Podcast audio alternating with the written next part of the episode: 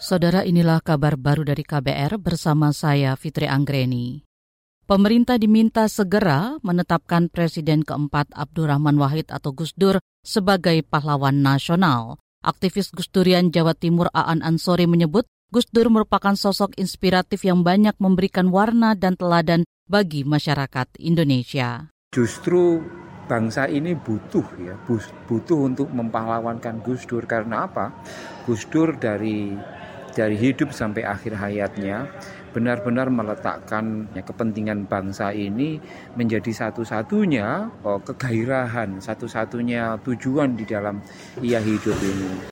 Aktivis Gus Durian Jawa Timur Aan Ansori menduga Gus Dur belum ditetapkan sebagai pahlawan karena dikaitkan berhenti jadi presiden karena dikudeta. Menurut dia, hal itu justru menunjukkan Gus Dur merupakan korban dari oligarki politik yang mendorong presiden ketika itu untuk melanggar konstitusi. Hari ini bertepatan dengan Hari Pahlawan, pemerintah menganugerahkan gelar pahlawan nasional kepada enam tokoh dari berbagai daerah.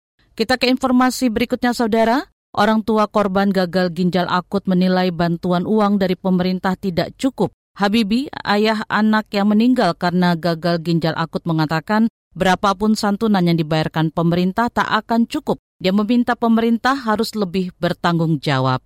Harapkan pemerintah harus aware, harus bisa harus transparan ya. Perbaikan apa aja yang sudah dilakukan selama ini, sama harus uh, lebih bertanggung jawab. Ketika ketika melakukan kesalahan, ketika melakukan kelalaian, jangan berkelit, jangan lari dari tanggung jawab. Habibi, ayah anak yang meninggal karena gagal ginjal akut mengatakan pemerintah dan produsen obat yang terkait dengan tragedi gagal ginjal akut mesti bertanggung jawab dia berharap perusahaan yang memproduksi sirup obat penyebab gagal ginjal akut ditutup dan tidak boleh memproduksi obat-obatan lagi. Sebelumnya dalam rapat kerja dengan DPR, Menteri Sosial Tri Risma hari ini mengatakan akan memberikan santunan kepada 326 korban gagal ginjal akut. Sebanyak 204 orang yang meninggal akan diberikan santunan 50 juta rupiah dan 122 anak yang harus tetap dirawat diberikan bantuan total sebesar lebih dari 19 miliar rupiah.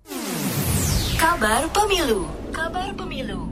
Komisi Bidang Komunikasi dan Informatika DPR meminta operator telepon selular untuk menyiapkan langkah strategis guna mencegah penyebaran konten negatif dan ujaran kebencian. Wakil Ketua Komisi 1 DPR Abdul Karis Almasyari mengatakan mendekati pemilu 2024 berbagai ancaman konten negatif akan terus berkembang. Menurutnya, penyelenggara jaringan bergerak seluler memiliki peran yang penting dalam mencegah penyebaran konten-konten negatif. Komisi 1 DPR RI mendorong penyelenggaraan jaringan bergerak seluler untuk terus mengoptimalkan penyelenggaraan telekomunikasi guna melindungi kepentingan negara dan masyarakat. Dua, Komisi 1 DPR RI mendorong penyelenggara jaringan bergerak seluler untuk melakukan langkah-langkah strategis menjalin kerjasama dengan penyelenggara platform OTT untuk filterisasi konten negatif. Ini sebagai upaya maksimalnya nanti ya, Wakil Ketua Komisi 1 DPR Abdul Haris Almasyari menambahkan operator telepon seluler menjadi garda terdepan untuk dapat memfilter konten ujaran kebencian dan hoaks yang merebak di media sosial.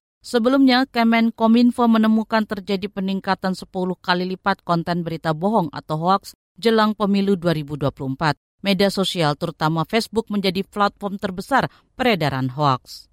Demikian saudara kabar baru dari KBR, saya Fitri Anggreni, salam.